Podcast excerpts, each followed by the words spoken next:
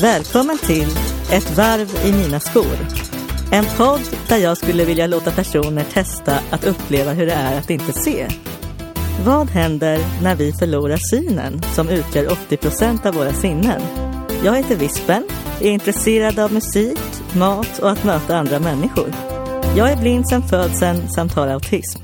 I varje avsnitt kommer jag att intervjua en person som får testa att bli ledsagad och att äta med ögonbindel. Personen får dessutom möjlighet att berätta om sitt liv.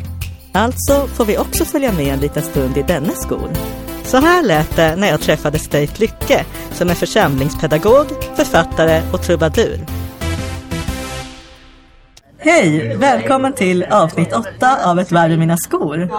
Idag så kommer jag intervjua State Lycke som jobbar som församlingspedagog och han är även trubadur och författare. Välkommen hit! Tack så mycket.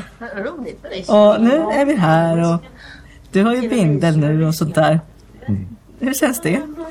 Än så länge så känns det bra. Det var ju spännande att bli ledsagad av någon annan efter att själv ha ledsagat andra Ja, just det. från och till. Har du ätit med ögonbindel vid något tidigare tillfälle? Nej, det har jag faktiskt Nej. aldrig gjort. Nej, då får du uppleva det idag då. Ja. Och du jobbar ju i Johanneskyrkan. Du får gärna berätta lite om den, för det tycker jag är en fantastisk plats på många sätt. ja, just det. Jag skrev ett brev till Johanneskyrkan efter att jag hade utbildat mig till församlingspedagog. Jag såg ett program på tv om en herre som hade åkt ut och in på kriminella anstalter och brottats med droger och nu bestämt sig efter 30 år för att nu får det vara bra, nu vill jag, nu vill jag bort ifrån det här. Och han hade skött sig så bra att han äntligen fick en lägenhet. Tyvärr är det så tufft i Sverige att först ska du bli drogfri, sen får du hjälp med en lägenhet. Nu hade han fått det. Han fick en tvårummare på Fårö och jag blir jätteavundsjuk. Tänk att få en tvårumslägenhet på Fårö. Så tyckte inte han. Det stod bara i bildrutan längst ner 14 dagar senare och så satt han där på sin säng och sa Vad ska jag göra nu? Och det var ju då jag insåg att ja just det, om man har ägnat 30 år sitt liv på att överleva i en kriminell värld där den enda egentligen livet handlar om att få tag i pengar till droger. Då har man ju missat det där med hur umgås man på ett vanligt sätt. Ja, Och där kände jag, där hade jag velat sitta bredvid. För då sa faktiskt socialtjänstkvinnan till honom så här, du kan ju gott gå bort till kyrkan.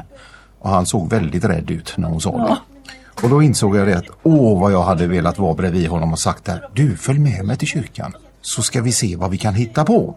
Och sen tänkte jag att det vill jag jobba med. Jag vill vara den som står där när beslutet är fattat. Att låt oss nu se vad du har för drömmar, gåvor, frön i det vi kan utveckla. Och tillsammans med människor få göra saker. Och det är ju så, om man ska kort sammanfatta vad Johanneskyrkan handlar om så är det fyra diakonala ben. Det är akut hjälp. Vi har ju människor som äter hos oss 365 dagar om året. Somliga gratis, somliga betalar väldigt lite. Eh, man hämtar saker man inte har råd att få tag på. kan man ibland hämta hos oss. Det andra är att vi jobbar med gemenskap. Och det tredje hjälp till förändring. Och det fjärde röstbärarfunktionen. Att vi talar om att det faktiskt finns fattigdom, utanförskap, hemlöshet, ensamhet i alldeles för stora, i stor utsträckning i Göteborg idag. Så det är vad jag jobbar med. och det är verkligen jättebra. Jag vet ju att ni både har frukost och lunch och vissa kvällar har ni öppet också, så det är himla fantastiskt att ni finns. Ja, vi är ju stolta över våra onsdag för då har vi Johannesmässa. Då kommer man äta soppa billigt och sen kommer man på Johannesmässa. Och på fredag så har vi fredag after work för de som känner att de vill vara på after work i en drogfri miljö. Ja, just det. Vad brukar ni göra då till exempel då?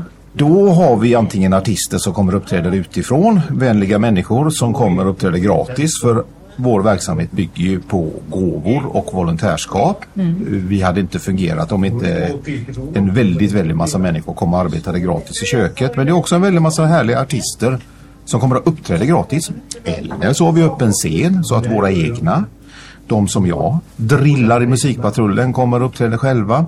Vi vill ha dit föreläsare så just nu ligger det på mitt bord att helt galet ringa alla jag bara kommer på.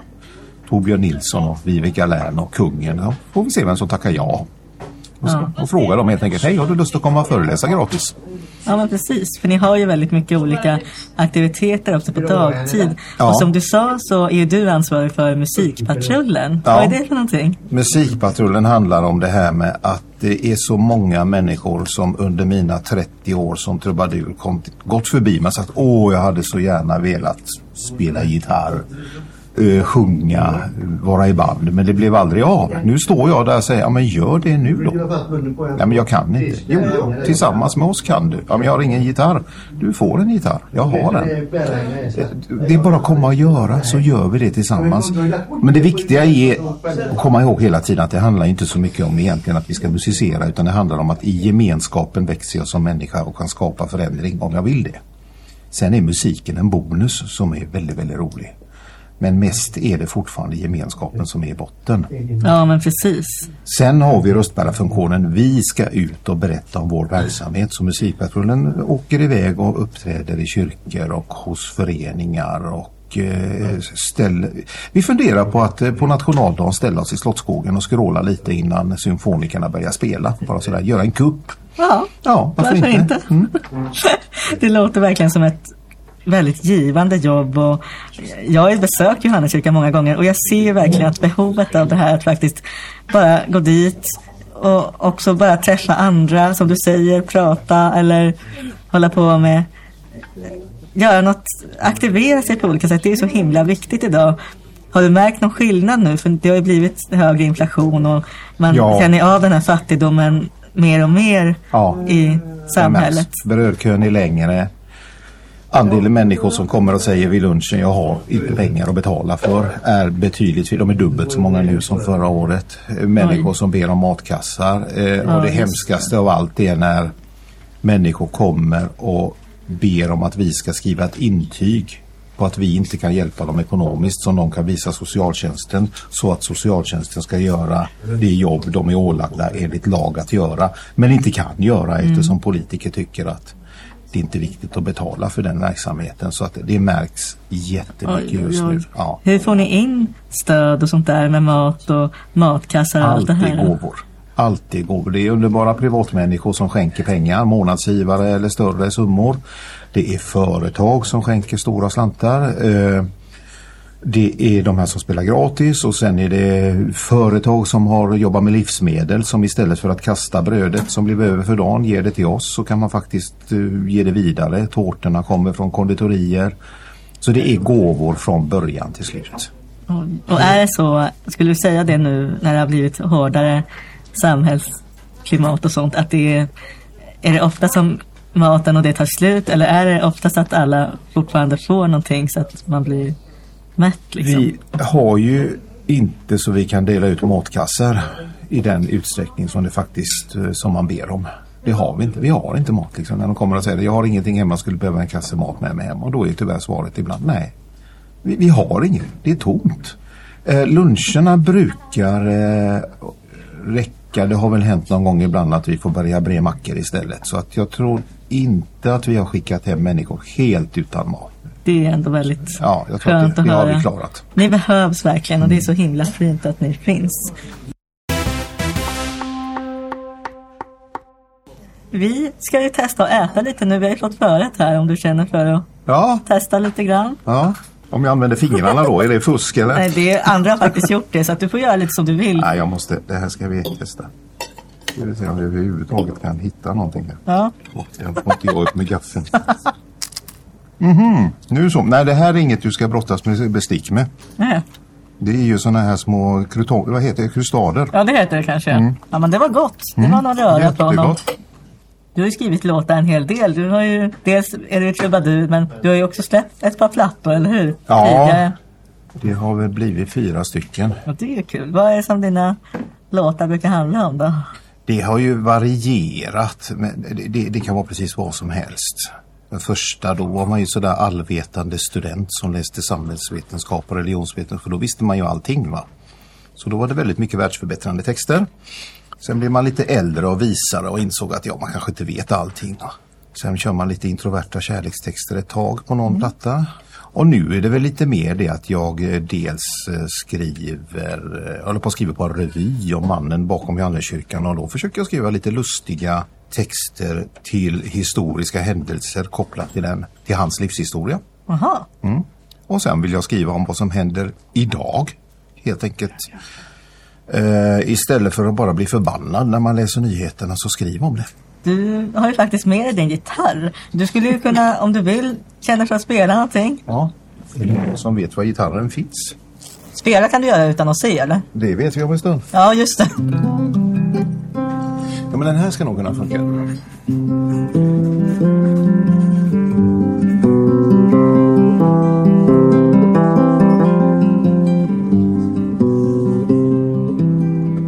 Älvorna dansar i skymningens ljus Vandrar hemåt i natten i ett stilla lyckorus Jag är så lycklig att jag lever det liv som är här Jag har inget mer jag göra det jag begär Om jag bara får vara en vän som ser dig bara får vara en vän som ger dig bara får vara en vän som ser.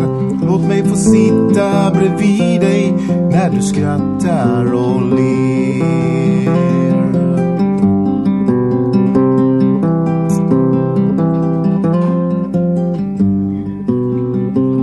Vilar toner och ord som du viskade nyss. En ängels röst i natten gav mig drömmarnas kyss. Du lät mig få se allt vad livet kunde ge.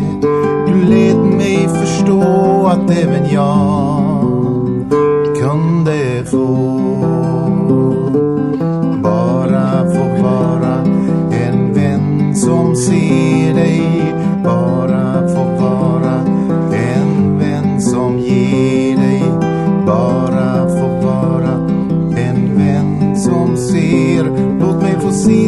sitta bredvid dig när du sjunger och ler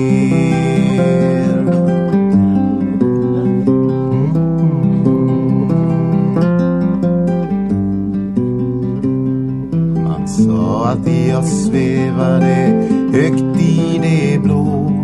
Man sa mig att du inte fanns. Men nu lever vi livet, nu lever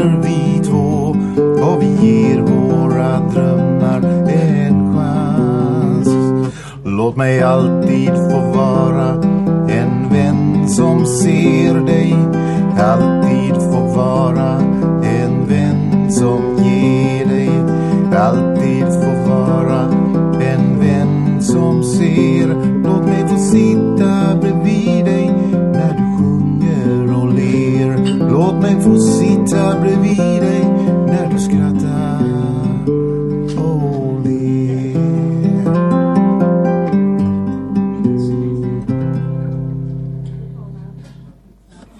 Vad bra. Det Tack så jättemycket. Tack. Ja, när skrev du den här låten då? Den skrev jag i samband med att jag släpade upp min stackars dotter till min stuga uppe i Dalsland. Där det var helt tomt på tv-apparater, radioapparater, fanns ingen täckning på Nej, mobiltelefonen, det. fanns ingenting sånt där modernt överhuvudtaget och så ville jag ha det. Så tog jag upp henne dit och så tänkte jag att en helg tillsammans med pappa, det kan vara roligt men eh, jag hade väl också någonstans hoppats på att vi skulle hitta lite barn i närheten i samma ålder. Hon var nio år på den Ja. tiden då liksom, så att hon kunde få leka lite också för det kan ju vara lite tjötigt i längden. Så vi spelade spel, jag läste böcker, jag gjorde allt man kunde göra. Men till slut så började hon liksom tystna sådär och jag började hon har jättetråkigt. Hon har livs... Alltså det här är inte kul. Vi åker och badar tänkte jag liksom. Eller går och badar. Så gick vi bort till sjön. Tänkte där finns en brygga, en ponton, där måste ju finnas barn. fanns inte en människa där borta. Oj. Nej, inte någon. Och sen fick eh, trakten ha lärt mig efteråt att den stranden kallas för likvattnet. Oj, Nämligen så att det ligger en kyrkogård alldeles bredvid. Alltså regnvattnet regnar ner på kyrkogården, rinner genom liken och kommer ut i den stranden. det är så folkmyten säger. Alltså, därför är det ingen som badar där. nej. Men då tänkte jag bed and breakfast som de där holländarna äger. Där finns det barn att leka med. Vi går och köper en glass. Fanns inte en människa där heller. Till slut får vi gå tillbaka igen och jag börjar grilla lite och hon sitter där helt tyst och skymningen börjar lägga sig vid fälten och där kommer det här med älvorna dansa för det är ju när det ser ut som älvor dansar över fälten. Och jag tänker, nu har hon så tråkigt så att det första vi gör imorgon bitti är att vi åker hem. Och då vänder hon sig till mig och säger, pappa, det här var den bästa dagen i mitt liv. Och då skrev jag den här sen när hon hade somnat. Åh, vad fint. Du skriver ju böcker också. Ja, men det gör jag. Som du också har hållit på med ett ganska bra tag. Tio år har jag pysslat med det nu. Jag, eh, eh, jag, jag har vilat från det just nu för det är lite ensamt att skriva böcker. Men eh, jag har skrivit tre böcker. Eh, Friheten i mitt hem heter den första. Den andra En längtans röst av hopp. Det är del ett och del två i en trilogi. Och tredje delen är inte skriven ännu. Nej? Och sen har jag skrivit en bok som heter En trubadurs bekännelser. Ja, just det. Vad handlar de här böckerna om då? Ja, den första friheten är mitt hem kommer sig av att jag jobbade 20 år som lärare ute i Biskopsgården. Och jag var en sån där sospappa som brukade gå omkring med en kopp kaffe som alla elever kom och pratade med väldigt ofta. Inte alla, men många kom och pratade med mig och ville liksom ja, prata ut. Och jag upptäckte i de här samtalen vi hade att det var tre återkommande teman. Det första var jag bor i förorten, eh, jag har en tuff eh, grannskap, det kommer, därför kommer det gå dåligt för mig i framtiden. Och det andra var att eh, det är så jobbigt. Ena dagen jag mår jag jättebra, nästa dag så mår jag jättedåligt och det är bara jag som mår så här och jag har ingen att prata med. Och det tredje var, jag kommer aldrig träffa någon som älskar mig. Och då kände jag någonstans att, ja, jag känner igen dem. Jag minns dem från tonåren, de där känslorna. Jag har själv bott i förorten. Jag har själv känt att eh, känslorna gick upp och ner och jag har själv känt att jag inte hittade någon och bli ihop med. Så då vill jag säga till dem att, jo då, det kan visst gå bra för dig fastän du bor i förorten och du kommer visst hitta eh, någon som tycker om det. och orsaken att du tror att du är så ensam med dina känslor det är ju det att ni tonåringar är ju så förbaskat rädda för att visa vilka ni är. För man får inte sticka ut, man ska ju passa in, man ska vara som alla andra. Tro mig, alla ungdomars känslor går upp och ner som en berg och dalbana. Det kallas för puberteten. Det är tonår, det är helt normalt. Några blir tröstade av detta men en kille han blev lite förbannad och sa det, vad vet du om detta? Hur det kommer gå för mig i framtiden. Där sitter du i din liksom kavaj och bor i din villa, vilket jag gjorde på den tiden och tror att du vet något liksom, men du har ingen aning.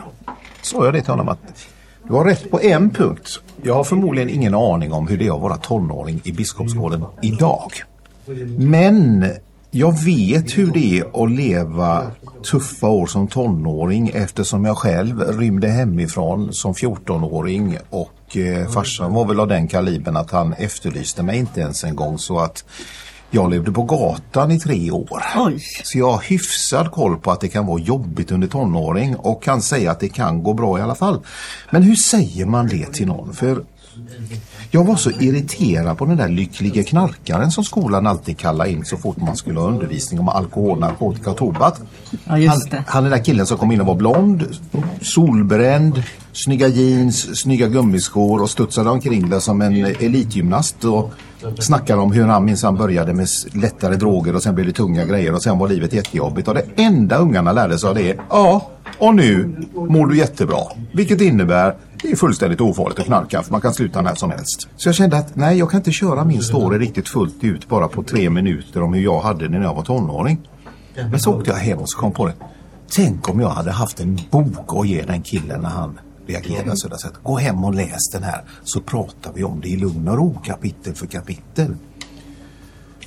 Och då kände jag att jag måste göra en sån där Zlatan. Eh, Mina elever var inte kända för att älska att läsa böcker om man säger så. Men de älskade fotboll. Ja. Så tänkte jag, de tycker ju om mig lite grann så att om deras egen lärare som de faktiskt tycker om har skrivit en bok så kanske jag kan dels få dem att läsa böcker och dels få igång ett bra samtal. Så jag skulle alltså skriva en ungdomsroman om min, min tonår. Det gick inte alls bra. Eh, Jag brukar säga det, om man föreställer sig att Carl Bildt skulle försöka skriva en ungdomsroman så inser man, alltså jag älskar ju ord. Kanske märks. Ja. Vända, vrida. Så att jag har nog skrivit en rätt schysst vuxenroman men någon ungdomsroman det blev det inte för det finns ingen i 15-årsåldern som klarar av att läsa min bok. Nej, okej. Men medan jag skrev så hade jag så kul så jag skrev färdigt den i alla fall. Okej. Sen höll den på att bli en debutroman på 1200 sidor. Så därav kom jag på idén att jag kanske ska dela upp den som en trilogi istället. Jaha, fick det är det du har börjat göra sen då? Ja, jag satt där och skrev så insåg jag att det kommer bli en fruktansvärt tjock bok. Och så träffade jag en kille som var barnboksförfattare som sa det att du, det där höll jag på att göra. Eller rättare sagt jag gjorde det. Jag skrev ett debutmanus på 1200 sidor. Det blev inget med det. Gör inte det misstaget. Kan du dela upp boken så gör det. Så insåg jag att ja, men det kan jag faktiskt. Jag Ja. kan göra tre delar av det. Och då blir det En längtans röst av hopp del två då Ja. om, eh, om ja, jag blev ju uppfångad av fältassistenter till slut som kom på tanken att vi skickar upp dig till folkhögskolan så får du läst in gymnasiebetygen och så får du ordning på ditt liv. Gick sådär kan jag säga. Men det blev en bra berättelse. Ja, just så det blev en bok till. Du sitter ju här idag och har ändå Ja. slutfört en musikpedagogutbildning ju. Det sa du tidigare, eller hur? Det, ja, det har jag faktiskt gjort. Eh, Min dotter sa det till mig en gång att farsan du är som glidare, du slutför aldrig någonting. Jag hoppade av gymnasiet, jag läste inte färdigt komvux, jag kom in på universitetet i alla fall tack vare högskoleprovet. Jag läste inte färdigt min lärarutbildning för jag fick fastanställning i alla fall. Jag, läste inte färdigt, jag har aldrig liksom gjort färdigt någonting. Men nu för första gången i mitt liv då så läste jag faktiskt klart min församlingspedagogutbildning. Hur lång var den då? Eh, det var en ettårig ut, eh, uppdelad på halvfartsstudier i två Oj, tid. oj, oj. Det låter ju bra. Det låter som någonting som kanske till och med jag skulle kunna slutföra. Det här med studier är ju verkligen inte min grej. Jag har aldrig varit det. Men, eh, Nej, det finns ju så mycket annat roligt att göra. Jag Ja. älskar att studera men jag älskar så mycket annat också. men oj, vad roligt. Eller vad man ska säga. Det är ju ändå intressant då att eh, träffa dig. Och hur var det att leva på gatan i tre år? Skulle du kunna berätta någonting om det?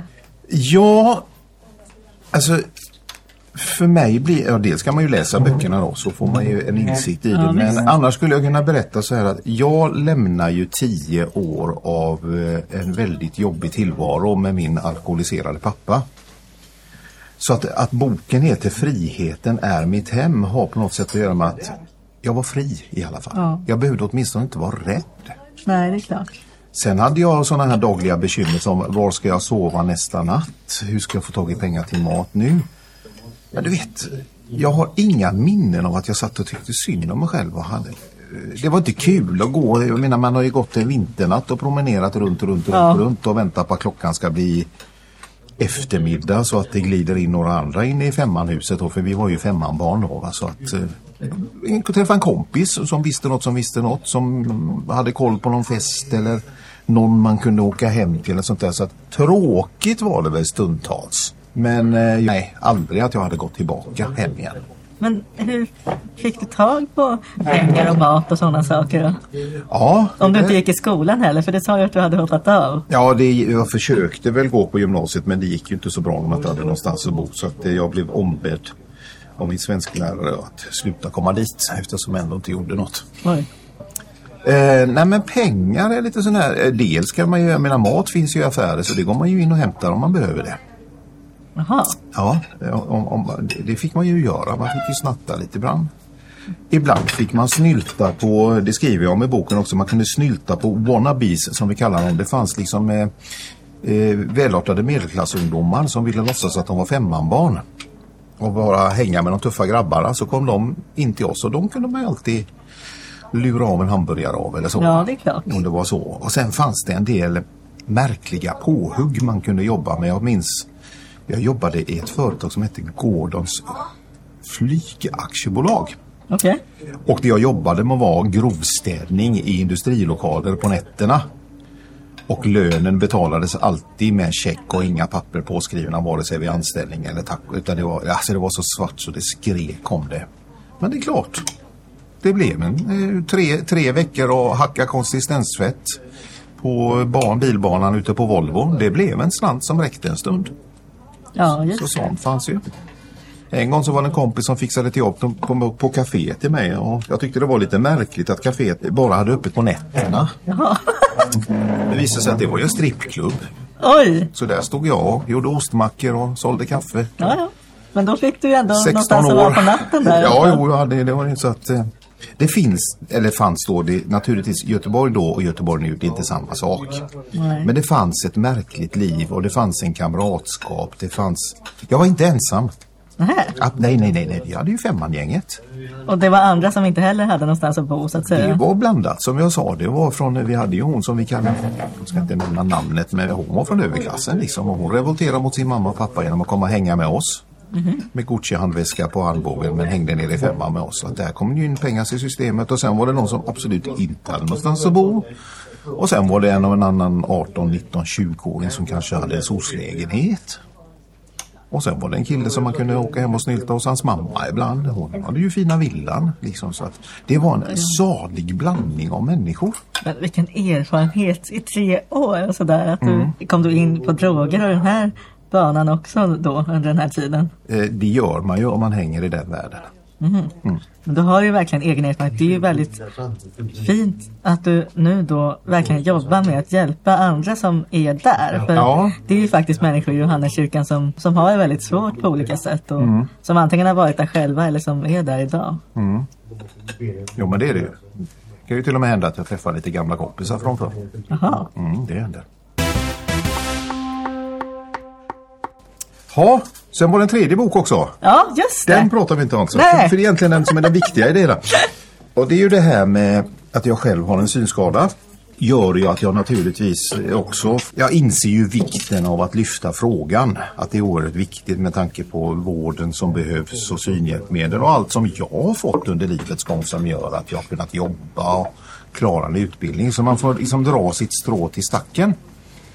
Och Synskadades riksförbund finns ju och de gör ett jättebra jobb med att skriva artiklar och motioner och påverkansarbete och sånt där. Men så kände jag ändå när jag var ute och jag har ändå varit trubadur ute i över 30 år att när jag pratar med människor jag möter om det här med att vara synskadad eller funktionshindrad eller funktionsnedsatt eller vad det nu heter så är kännedomen oerhört liten. Så även om människorna som är med i SRF gör så gott de kan för att sprida frågan så är, upplever jag att jag, jag aldrig har träffat någon när jag varit ute och spelat som egentligen vet någonting om synskaderörelsen. Då kände jag, då måste du ju göra något state. Ja. Eh, Jag har gått eh, den vägen att jag har suttit i styrelsen i SRF och jag har försökt komma in i styrelsen igen i SRF men det har gått sådär. Men då tänker jag alltid så att man ska se vilka gåvor man har och så ska man se om man kan använda dem till att göra någonting gott med. Och då är jag ju trubadur. Älskar att prata, älskar att stå på en scen. Så jag sa att det är det som är mitt sätt att göra. Med humorns hjälp komma ut och möta människor så att deras medvetenhet om hur det kan vara att leva med funktionshinder. Och då bestämde jag mig för att jag ska skriva en humorföreställning som heter En trubadurs bekännelse. Ja. Och så frågar min dotter helt plötsligt Eftersom hon har vissa ambitioner att hålla på med musik, hon är 20 år. Precis innan intervjun här fick jag reda på att hon har kommit in på folkhögskola. Och jag är överlycklig för det. Kul. Och då tänkte jag, jo vad var det jag skulle säga? Jo, hon frågade mig, hur är det egentligen att vara trubadur? Jag vet ju att du spelar och så, men hur är det egentligen? Och då började jag där med, hur är det egentligen? Så skulle jag skriva en sån här, du vet, som man tänker när man blir lite äldre, att jag ska skriva en liten bok som mina barn kommer läsa när de blir vuxna, så kan de minnas sin pappa. Så jag skulle egentligen bara skriva den här boken till eh, mina barn. Men som jag satt där och skrev så kom jag på att det här är ju rätt kul egentligen. Så alla de här dråpliga händelserna som har varit. Det här passar ju in i föreställningen. Så då tänkte jag att då kan jag göra föreställningen. Och sen också kan de gå hem och ta boken med sig och fortsätta läsa vidare. Verkligen. Och sen tänkte jag så småningom att det kommer ju bli mer berättelser och då spelar jag in dem och lägger upp dem på Youtube. Så kan det så att säga en trubadurs bekännelser fortsätter och lever som fenomen. Det är en föreställning som fortsätter. Det är en bok som fortsätter och växer och så skriver jag musik till den som fortsätter och växer. Och då känner jag att då gör jag mitt. För jag, jag tänkte så här, om jag sätter upp en lapp och kom och lyssna på en föreläsning på Folkets hus där jag berättar hur det lever med synnedsättning. Då kommer ju ingen för det låter ju hur tråkigt som helst. Men om jag säger att kom och ta del av humorföreställningen En trubadurs bekännelser där du får följa med den synskadade trubaduren Statelick ut på turné och ta del av vad som händer framför, på och bakom scen innan, under, efter konserten. Ja, jag har faktiskt fått bokningar med den så att uppenbarligen tyckte allmänheten att det var lite intressantare. Vi har fått huvudrätt nu. Så trevligt. Vill du äta lite? Det kan vi prova. Och vi får inte reda på denna gång heller vad det är. Är det någon fisk av något slag? Jag tror det ja. Vitfisk. Ja. Jag var ganska nyligen med om när jag skulle åka på ett 50-årskalas och spela så blev jag avslängd mitt ute i skogen någonstans i Halland. Och en taxi så säger vi är framme nu och jag säger vi kan omöjligt vara framme för jag hör inget 50-årskalas och då släpper han av mig på en grusväg bredvid en lada mitt ute i ingenstans. Och sen säger han, ja men det ligger i slutet på grusvägen. Ja men då får du väl köra fram då. Nej det kan jag inte för jag kommer inte ut härifrån. Men du kan väl backa? Nej. Och då säger jag till honom, men jag kan kliva av och så kan jag gå bort och titta. Så jag tar min gitarr och min käpp och så börjar jag gå till grusvägen. Och då kör han. Sen ringer jag tillbaka till ledningscentralen och säger, ursäkta men jag skulle blivit körd till en fest. Ja, enligt chaufförens GPS är du avlämnad på rätt ställe. Ja. ja, men enligt verkligheten så befinner jag mig mitt ute i skogen och det finns ingen fest här. Du hör ju den. Det, bara... det där har hänt mig också, att de säger att han har minsann varit där och så står man och väntar men han har ju absolut inte varit där. Nej. Man står ju utomhus. Mm. Det är helt omöjligt. Mm. Det, det, finns liksom inte. Eller så har jag varit med om samma som du, att de bara släpper av och så tror de helt plötsligt att man ser eller att det, det går bra. Det gör ingenting att det är hundra meter bort eller någonting. Det, då ska man helt plötsligt hitta själv. Jag borde misstänkt något redan när chauffören frågar när jag kliver in i taxin. Kan du visa mig vägen? Oj, ja men det var en rolig. Mm. Den tycker jag absolut att du ska ha med. Ja men lite sånt kommer. Och den hände ju efter jag gav ut boken så den finns inte med i boken då. Men Nej. det var då, då jag kom på idén att jag låter boken växa vidare på Youtube så mm. småningom. Hur får man tag på den om man skulle vilja läsa den då? Det är genom att man kommer på några av mina spelningar. För jag har varit lite, jag är lite punkrebellisk när det gäller utgivningen av mina böcker och min musik. Att jag trycker upp och gör själv och säljer ja. på mina föreläsningar och spelningar. Mm. Jag har fått lite skäll på det där. Nu får du skärpa mm. dig och se till så att de finns tillgängliga på Bokus mm. Så att jag ska väl ta tag i det tids nog.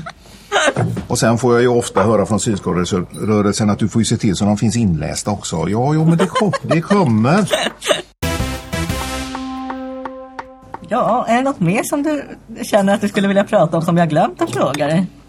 Jo, men är det något som egentligen allting handlar om som jag tycker ändå är viktigt, eh, pratar jag om när vi uppträder med Musikpatrullen också, så är det det här med att vi måste bevara mötesplatsen mellan människor.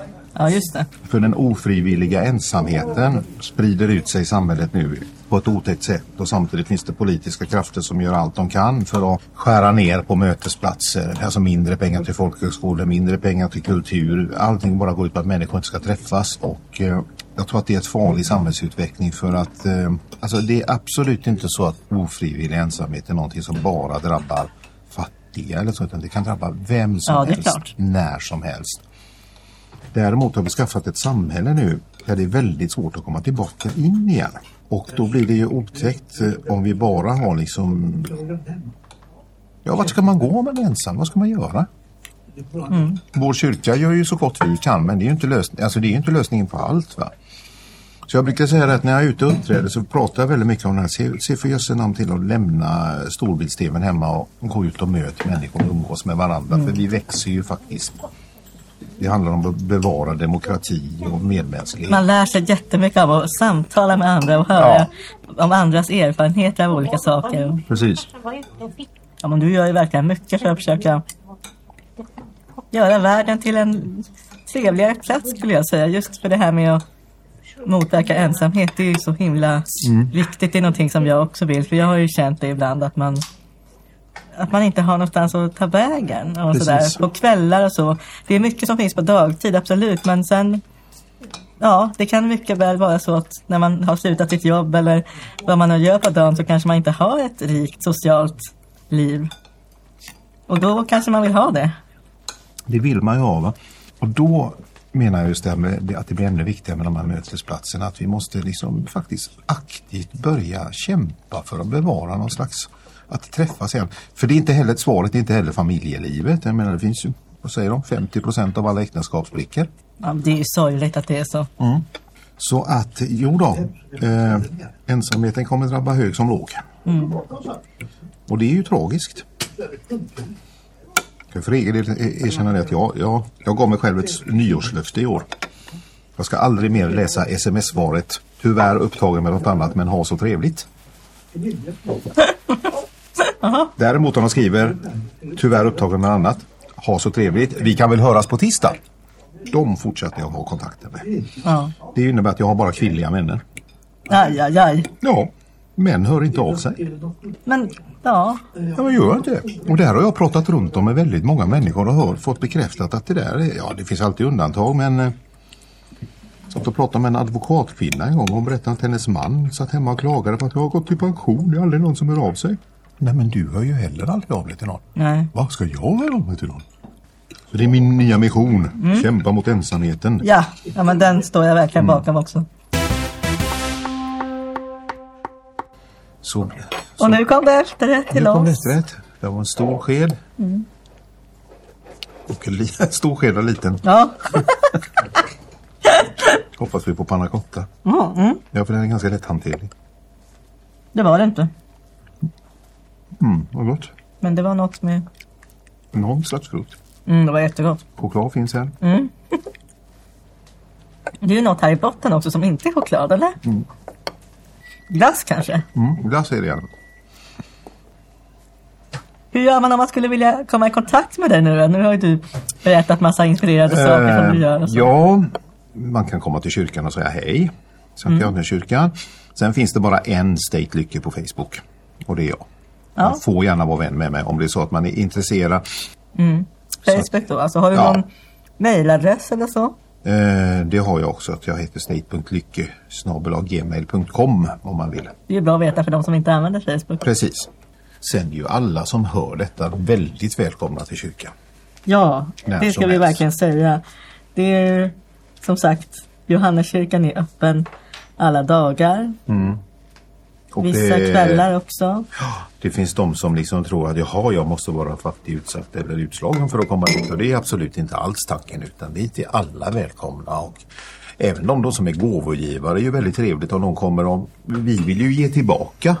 Så Ja. att välkommen på våra konserter och våra föreställningar och våra mässor och bibelsamtal och pilgrimsvandringar och vanliga vandringar och allt vad vi nu gör liksom. Vi vill ju att människor kommer dit och är där och får uppleva detta. Men det var jättekul att få ha dig här och Det var verkligen roligt att vara prata här. och att du fick testa det här lite. Hur Jag förvånad när du hörde av dig. Vilken kul idé. Visste jag inte att man... Så här kunde man tänka. Att äta en liten brinning. Jag kunde ju tänka så uppenbarligen men jag vet inte, vi får se vad Mm. det blir. Men eh, det är ändå kul att ha hit intressanta människor som får prata och Mm. uppleva just den här grejen faktiskt. Men tack så jättemycket. Tack så mycket själv. Kan du få spela något mer nu då? Har du ätit färdigt? Mm, jag kan... Om jag kommer ihåg vad jag ska spela. Där har jag den. Vilken ska vi ta då?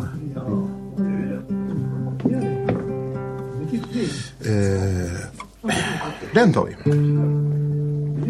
Jag satt och läste en bok med öppet fönster. Det var en augusti, det var mörkt ute men det var varmt och gött. Ja. Och helt plötsligt så sitter en koltrast och sjunger i trädet på utsidan. Då tänkte jag precis just på det här med att här går vi omkring och jagar och förstör jorden och stressar och hinner inte med våra vänner och för att vi ska jaga så mycket. ja. Fast det bästa i livet är ju gratis. Om man tar vara på det som finns. Koltraster vid mitt fönster för mig ikväll. Fyll min skymning med dina toner. Är du snäll? Jag vet att du suttit där länge och ofta Hållt din konsert för en döv publik. Utan lön för din möda Utan tacksamhet för ditt slit Jag har tagit dig för given Trott att du alltid ska finnas kvar. Som människor som går genom livet utan att veta vad de egentligen har. Koltrast vid mitt fönster. För mig ikväll. Fyll min skymning med dina toner. Kom och sjung för mig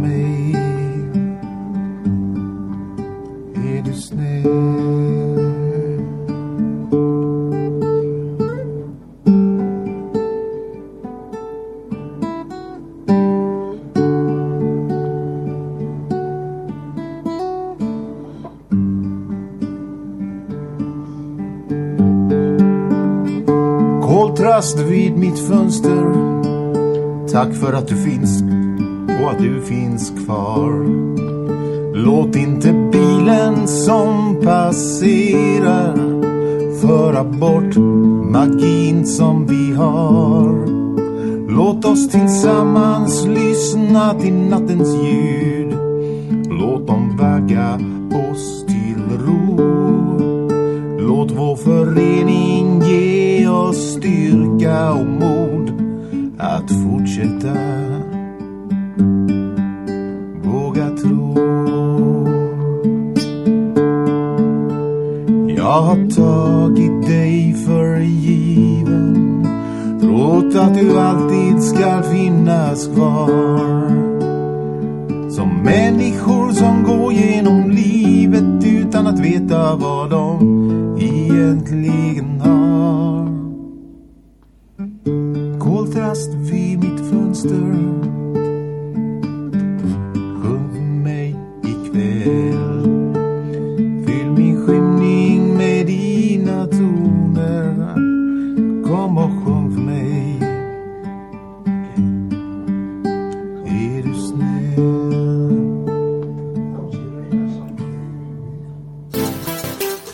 du också vilja uppleva en måltid utan syn?